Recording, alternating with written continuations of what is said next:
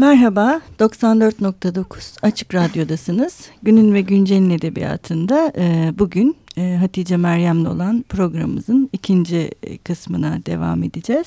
Ben e, programı e, dinlemeyenler, programın ilk kısmını dinleyemeyenler için yine her zaman olduğu gibi programın başında yaptığımız e, şekilde kısaca Hatice Meryem'den bahsedeceğim sizlere. Hatice Meryem 1968 Kasım'ında İstanbul'da doğdu. 9 Eylül Üniversitesi Maliye Bölümünden mezun oldu. 3,5 yıl bir bankada çalıştı. 1994 yılında mesleğini bırakıp Londra'ya gitti. Orada temizlikçilik, çocuk bakıcılığı, ütücülük, gazete dağıtıcılığı gibi çeşitli işlerde çalıştı.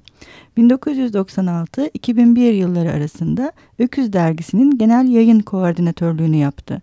1999 yılında Varlık Dergisi'nin düzenlediği Yaşar Nabi Nayır Gençlik Ödülleri yarışmasında Siftah adlı öyküsü öykü dalında dikkate değer bulundu. 2000 yılında Siftah adlı öykü kitabı Varlık yayınlarından çıktı. Öyküleri Varlık ve E dergisinde yayımlandı. Amatör olarak fotoğrafçılıkla uğraşıyor. Sinek kadar kocam olsun, başımda bulunsun adlı kitabı 2002 yılında yayımlanmış ve Ankara Devlet Tiyatrosu tarafından sahnelenmektedir. 2008 yılında ise İnsan Kısım Kısım Yer Damar Damar adlı romanı yayınlanmıştır. 2010 yılında Aklımdaki Yılan ve 2013 yılında da Beyefendi yayınlandı. Tekrar hoş geldin Meryem. Hoş bulduk, hoş bulduk Sevacığım. Ee, öbür programı aklımdaki yılandan okuduğum bir sayfayla ve hani kadınlıkla bitirmiştik. İstersen oradan başlayalım. Biraz hem kadınlık hem bu zaten yine senin edebiyatının önemli özelliklerinden birisi bu kadınlık halleri. Onu anlatmayı seviyorsun sen. İşte bir şeyde bu anne kız ilişkisi aklımdaki yılan keza bunların üzerine kurulmuş bir kitap.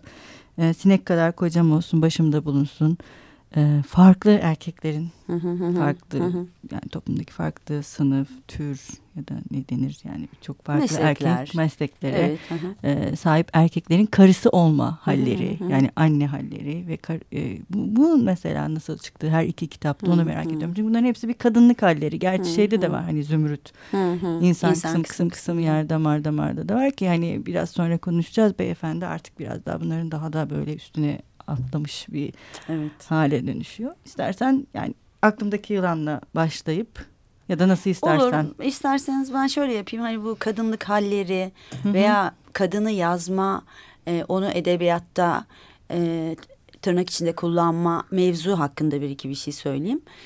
E, şimdi şöyle bir şey var. Ben hakikaten edebiyatın e, şeyler üzerine benzersiz bir üslupla yazma çalışması veya denemesi olduğuna inanıyorum edebiyatın.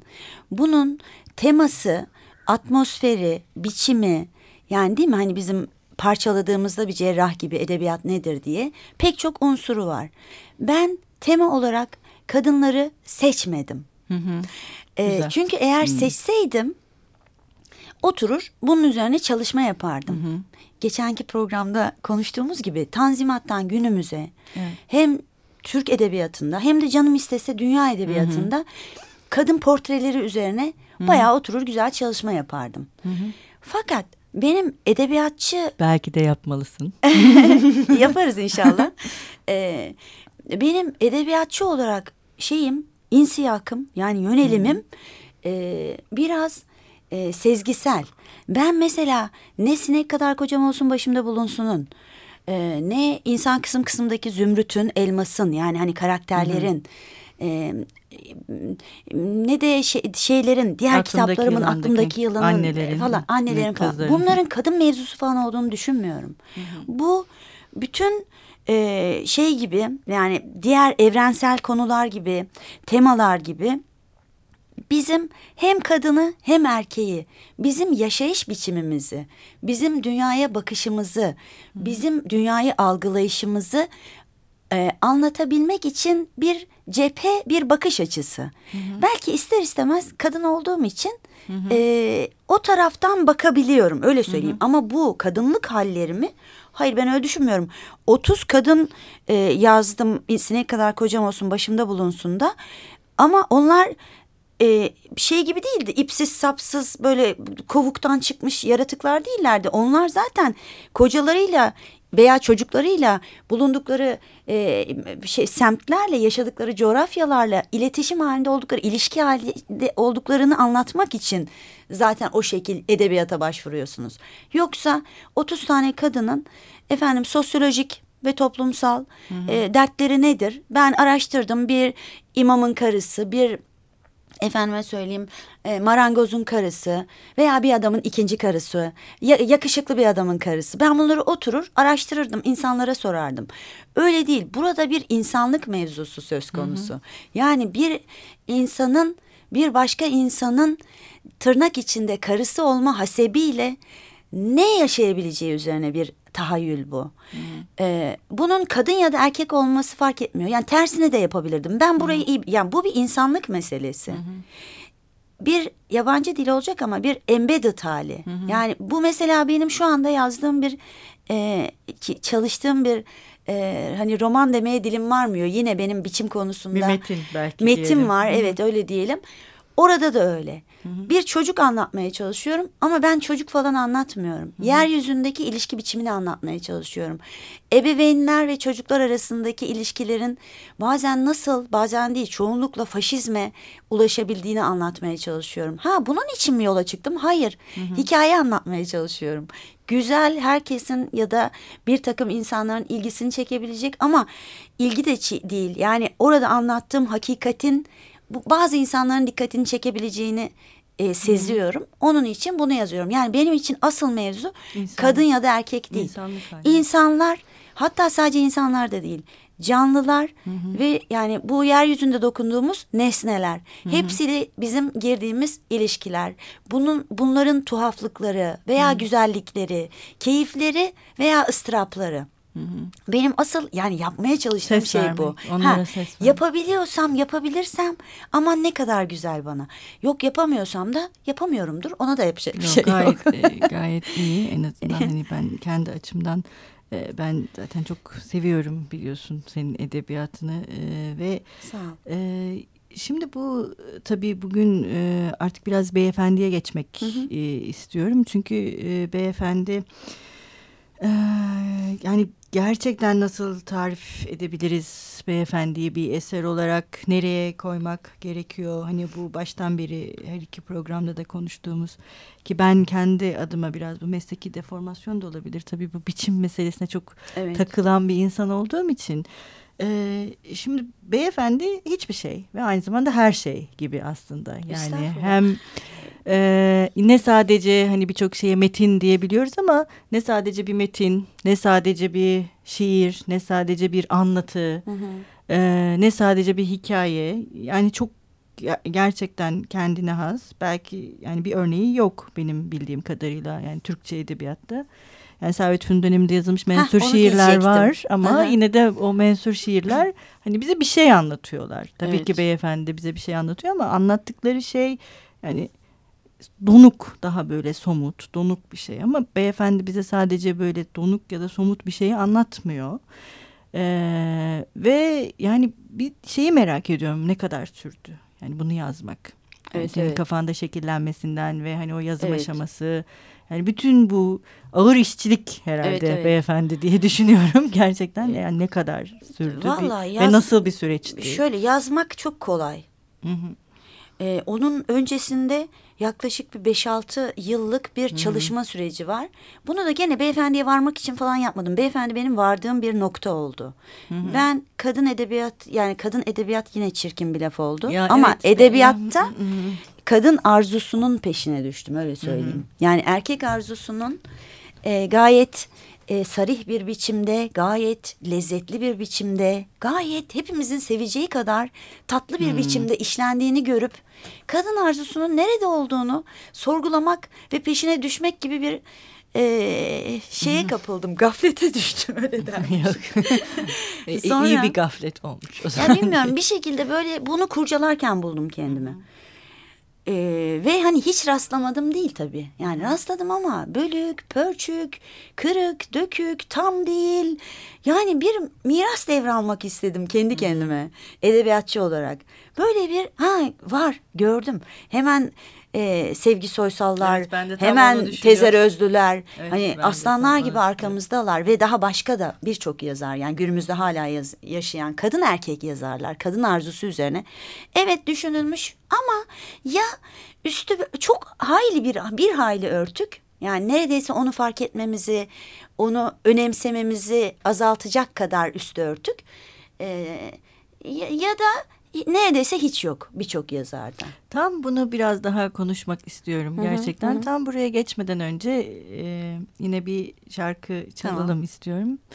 Ne çalmak istersin bugün? Ya ben şöyle e, popüler şarkıları çok seviyorum bazılarını. Hı hı. Hande Yener'in Sebastian'ını da seviyorum. Güzel. Neşesini seviyorum. Hı hı. Onu dinlersek sevinirim.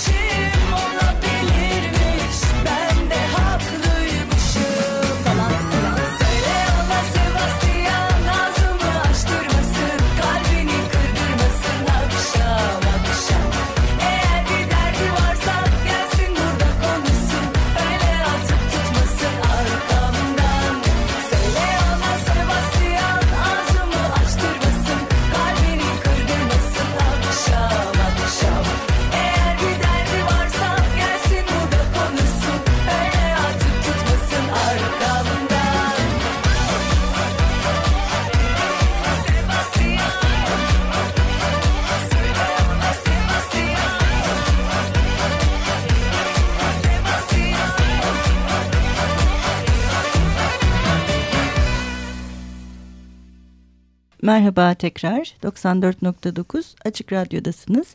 Günün ve Güncel'in edebiyatında Hatice Meryem'le birlikteyiz.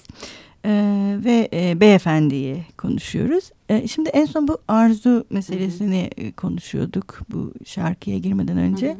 Yani kadın arzusu işte hı hı hı. E, anlatmak. Kadın değil insan arzusu. İnsan arzusu. Evet. İnsanın arzusu dünyanın e, bütün ülkelerindeki e, sanat alanlarının başlıca teması olmuştur. Biçimler ayrı. Başlıca teması olmuştur. Erkek arzusu da kadın arzusu da yani insan arzusu.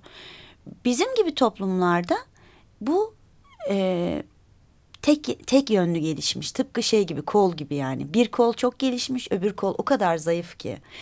E, hani şöyle söyleyeyim ben size yani bütün kaç yıllık 150 yıllık Türk edebiyatına Türkçe edebiyata diyelim ayrıca Türk edebiyatı demek istemiyorum. Türkçe edebiyata baktığımızda şahane şey görüyoruz. Ee, erkek arzusu görüyoruz. Hı. Orhan Veli'sinden değil mi Sere Cemal, Cemal Süreyya baştan aşağı yani. Ece Ayhan. Nazım Hikmet'inden yani Hı. nasıl istersek her evet. renk her e, boy her çeşit. Evet arzu deyince hep erkek. Doğru. Evet değil evet, mi? Erkekler. İşte burası burada bir sakat bir taraf var gibi hissettim. Ha ben e, şöyle bir taraftan da ya bunun ben e, şeyine soyunacağım gibi Hı-hı. olmadı. Sadece ben bunu bazen geceleri bazen gündüzleri sokaklarda dolaşırken arkadaşlarımla konuşurken kitapları okurken sadece sıradan edebiyat kitapları yani sosyoloji, Hı-hı. psikoloji gibi bilim kitapları falan değil. Düşünürken buldum kendimi. Ve galiba içimde bir takım şeyler birikti, laflar birikti bu lafları söyleme ihtiyacı duydum. Hı hı. Nihayet e, ben aslında bir hikaye ya da bir roman yani bildiğim ve en azından e, kalemimi daha rahat konuşturabileceğim bir e, biçim içerisinde rahatça at oynatabilecekken çünkü bu benim beşinci kitabım. Hı hı. E, böyle bir şey olmayıp birden bunun bu şekilde e, kaleme almış olmam beni de şaşırttı. Zaten hı. yayın evine de o şekilde söyledim. Hani siz şiir basmıyorsunuz ben biliyorum ama ben böyle bir şey yazdım. Ne hı. yapayım? E, yani ben de şey değilim bundan. Emin bi biçiminden emin, emin değilim. Evet, evet ben de biçiminden biçim. emin değilim. Hani şuurlu bir şekilde oturup da ya ben böyle bir şiir Hı. yazayım demedim. Çünkü şiir benim için zaten hani yanına kıyısına yaklaşılmayacak kadar da zor bir e, çalışma. Öyle olduğunu düşünüyorum şiirin. O yüzden e, ben de tereddütte kalmıştım ama sonra ben yine okurunu bulduğu için seviniyorum. Yani evet. iyi bir şey aldı, karşılık aldı. Ee, hala da bunun üzerine gidilmesi gerektiğini düşünüyorum. Didem Madak'ın rahmetli hmm. bunu hmm. yaptığını. Evet. Ve yolunun evet. bu kadar erken yarım kaldığı için ya, çok üzülüyorum. Maalesef ben de. Yani maalesef. onunla konuşmak, onunla çalışmak. Ya. Hepimiz çok isterdik. Ben e, Doğru. buradan eksik kaldığımızı düşünüyorum. Mesela Sevgi Soysal ve Tezer Özün'ün de çok erken vefat ettikleri evet. için üzülüyorum. Keşke bugün hayatta olsalardı. Onlara çok ihtiyacımız olduğunu düşünüyorum. Ama yine de o miras devralınmış yani. E var ama yine de çok erken yaşlarında. Yani hani biraz daha hakikaten ihtiyar ihtiyar kadın laflarına ihtiyacımız var. Evet, ihtiyar evet. kadınların yani Bunamadan. olgun istese bunuyorsa bunasın. ne ne bunayıp ne anlatacak mesela? Bunayan evet. edebiyatçı kadın merak ediyorum. ee, işte ama ama şöyle yani hani hakikaten meselesi derdi olan hı hı. bunları anlatsınlar. Biz bunları dinleyelim istiyorum. Doğru. İnşallah e, şey oluruz yani denk geliriz yine evet, böylelerine. Belki siz bir miras bırakırsınız sizden sonra gelecek olan yazarlara. Onlar o mirası devraldıklarında yani üçüncü kuşak ne çıkaracak bakalım. O evet, da şey evet. olabilir. Gerçi yani e, son dönemde yine kadın diyeceğiz ama hı hı. son dönem kadın yazarları ben kendi adıma e, çok çok iyi buluyorum. Ben de yani, iyi buluyorum. Çok iyiler ben de çok gerçekten. Iyi buluyorum. Yani, yani o her anlamda bir eserleri hakkında konuşabilecek evet, kadar da çok şeyim. iyiler ve gerçekten çok e, zengin bir dünyaları var. Şimdi bu beyefendideki arzu meselesinin dışında bunun bir de bir alt başlığı var. Hı hı. Erkeklere metiye. Evet. Ee, bu ama bir biliyoruz ki bir erkeklere metiye değil. Evet. Yani şöyle erkeklere metiye ama aynı zamanda değil. Ya aslında şöyle yani e, orada erkek ten kastım erkti. Hı hı. Yani iktidardı. Hı hı. E, otoriteydi. Ben orayla e, hem savaştım yani bu kitapta hı hı. ve bu dilde bu biçimle hem onunla kavga ettim, bağırdım, çağırdım, ağladım. Yani metin olarak bahsediyorum. Hı hı. Yani ben de değil aslında. Kitabın anlatıcısı. Evet. Bu da çünkü yani yine tırnak içinde çok sapıkça bir şey olur. Eğer ben kendim böyle yaptım dersem. Hı. Ben niye böyle olayım? Kitabın bir anlatıcısı var. O erkle hesaplaştı. Çok namusluca, çok dürüstçe onunla konuştu. Dedi ki, Hı. üstelik de bir anlaşma yolu bulmaya çalışarak. Yani sadece e, ona çatarak, bağırarak, kızarak Hı. sen bize böyle kötü davrandın, sen bizi ezdin, sen bizi mahvettin diyerek de değil. Birçok yollar önererek bak siz de böyle olsanız, Hı. biz de böyle oluruz. Bilmem belki birçoklarına yalakaca bile görünebilir ama ben bir sulh için evet, buna razı oldum. Yani hani bu anlatıcı buna razı oldu. Yeter ki e, erkle e, arasında yani ezilen, ezen ezilen arasında, ötekiyle beriki merkezle kenar arasında bir sulh acaba mümkün münün de çalışması, arkeolojik çalışması diyebilirim ben şey için beyefendi için. Yani sadece kadın erkek meselesi de değil. Ben bu metni değiştirebilirim. Çocuk anne çocuk yapabilirim. Ee, İktidar her şeyi şey yapabilirim. Evet, evet. Yani o vatandaş. mevzu asıl temel Hı-hı. mesele bu yani hani kitaptaki. Bir de e, yani şey de var ben bunu mesela bu uzlaşı meselesini önemsemiştim bir de bir manifesto gibi gelmişti bana. Yani beyefendi çok rahat hani hem bir edebiyat manifestosu gibi okunabilir. Hı hı. Hani mevcut kadın er, kadınlık ve erkeklik rolleri edebiyatın bunların anlatılışı. Hı hı. E, bir de bunlara bakışlar. Hı hı. Hani bütün bunları da kapsayan ve e, oradaki e, uzlaşı halinin kendisinin e, bir manifesto gibi okunabileceğini düşünmüştüm. Yani beyefendi bir manifesto olabilir mi? Valla bilemiyorum ki dermiş. yani çünkü bir savaşma, çatışma yani, falan manifesto, değil. Hmm, bir bildiri. Yani bir evet. e, yaptıklarınız, evet, evet. yapacaklarınız Hı -hı. üzerine bir şey. Evet, beyefendi de böyle bir e, şey var, tat var hakikaten. Hı -hı. E, fakat tabii işte yine söylediğim gibi yani ben şeyler üzerine e, kendi üslubumla yazmaktan başka bir gailesi olmayan bir yazarım. Hı hı. E, o yüzden hani bunun bir manifesto olarak algılanıp algılanmayacağı falan aslında ilgi alanıma bile girmiyor. Biraz Hı -hı. şey gibi yukarıdan bir konuşma gibi ama Hı -hı. hakiki olan bu yani doğru olan bu. Ben bununla ilgilenmiyorum. Yani öyle algılanabilir. Ya da bu amaçla yazmadın. Yok tabii ki evet, yani. Bir manifesto ha, olsun Yok diye. tabii ki. Ha, ha, ha. Yani o tamamen okurların ne bileyim bunun üzerine düşünecek, zahmet edip bakacak, inceleyecek insanların şeyi, yorumu olabilir ancak. Ben öyle düşünmüyorum yani. Ee, yani ben tabii yazara e, rağmen bir şey söylüyormuş gibi olacağım ama ben mesela kendi açımdan hani bir okur olarak beyefendiyi okuduğumda hem e, çok etkilenmiştim çünkü bir manifesto ancak hani şekil olarak başka bir yerde duruyordu biçim olarak yani şekil biçim olarak başka bir yerde anlattığı hikayenin ya da tabii buradaki hı hı. hikayeden kastım. Hı hı şey gibi e, bir uzlaşı meselesi üzerinden kurulması bir de burada bahçeyi ben çok önemsemiştim müze. Ha, müze evet, bahçesi. Evet. Ve ya şey e, o da böyle Osman bir hani Hamdi, içinde bir hani evet. E, tabii yazarın amacıyla okurun gördüğü arasında da birçok fark oluyor her zaman ama o müze bahçesi de mesela bana şey gibi gelmişti. Ee, bir nevi bu var olan geçmiş algılara e, gönderme ve onunla hesaplaşma. O yüzden de e, onu bir metafor gibi de düşündüm. Tabii, tabii öyle. Yani hmm. Osman Hamdi'nin Kaplumbağa Terbiyecisi e, tablosunun dışında onun Pendik'teki e, müzeye sonradan müzeye dönüşen hayatının çok uzun yıllarını e, geçirdiği eşi ve çocuklarıyla onun başka resimlerinde de o hani Hı -hı. çiçek çiçek vazo koyan kız mıydı meşhur tablosunun adı Hı neyse. Ben onlara bir zaman meftunu oldum Osman Hamdi'nin. Onun hatta Muğla'da arkeolojik kazı yaptığı yerde gezinirken onun ruhunu hissettim. Yani o, o onda böyle bir çalışkan bir e, insan şeyi hissettim. Hı -hı. Keza öyle yani çok çalışkan ve çok önemli bir hem bilim hem sanat adamı kendisi. Onu evet öyle bir hayali imge olarak düşündüm. Hı hı. Ona seslenmek istedim. Müzenin bahçesini hiç görmedim. Hı hı. E, fakat kafamda tahayyül ettim. Ve evet tam da söylediğin gibi orası benim için tamamen bir imge yatağı oldu. Hı hı. Hani sesimi e, o bahçeden e, şey yapabilmek, duyurabilmek, hı hı. anlatıcı sesin sesini evet, oradan duyurabilmek. çok sesli bir ses var. Yani orada kadınlar ve erkekler konuşuyor. Evet, hani evet bir, bir süre sonra o hale geliyor hakikaten. Evet, Metin. daha böyle koro ha. halinde. Hı hı. E, o yüzden ben bir manifesto olarak e, düşündüm okur olarak. E, şimdi e, istersen bugün beyefendiyle bitirelim. Evet, e, olur. Ve bugün e, Hatice Meryem'in beyefendiden bizim için okuduğu bir bölümle sizlere veda ediyoruz. Hoşçakalın. Görüşmek üzere. Bahçe deyince aklımıza otuzunda ölen Mansfield geliyor beyefendi. Onun katıksız dili. Çekmek isterdik dikkatinizi. Birkaç dakika ayırında okuyunuz Garden Parti'yi. Bulacaksınız orada bir ölü, bir erkek ölüsü ve başında bir genç kız. Bir an kafası dumanlanıp kalıyor ölünün başında, ölümün başında. Allak bullak koşup gidiyor sonra.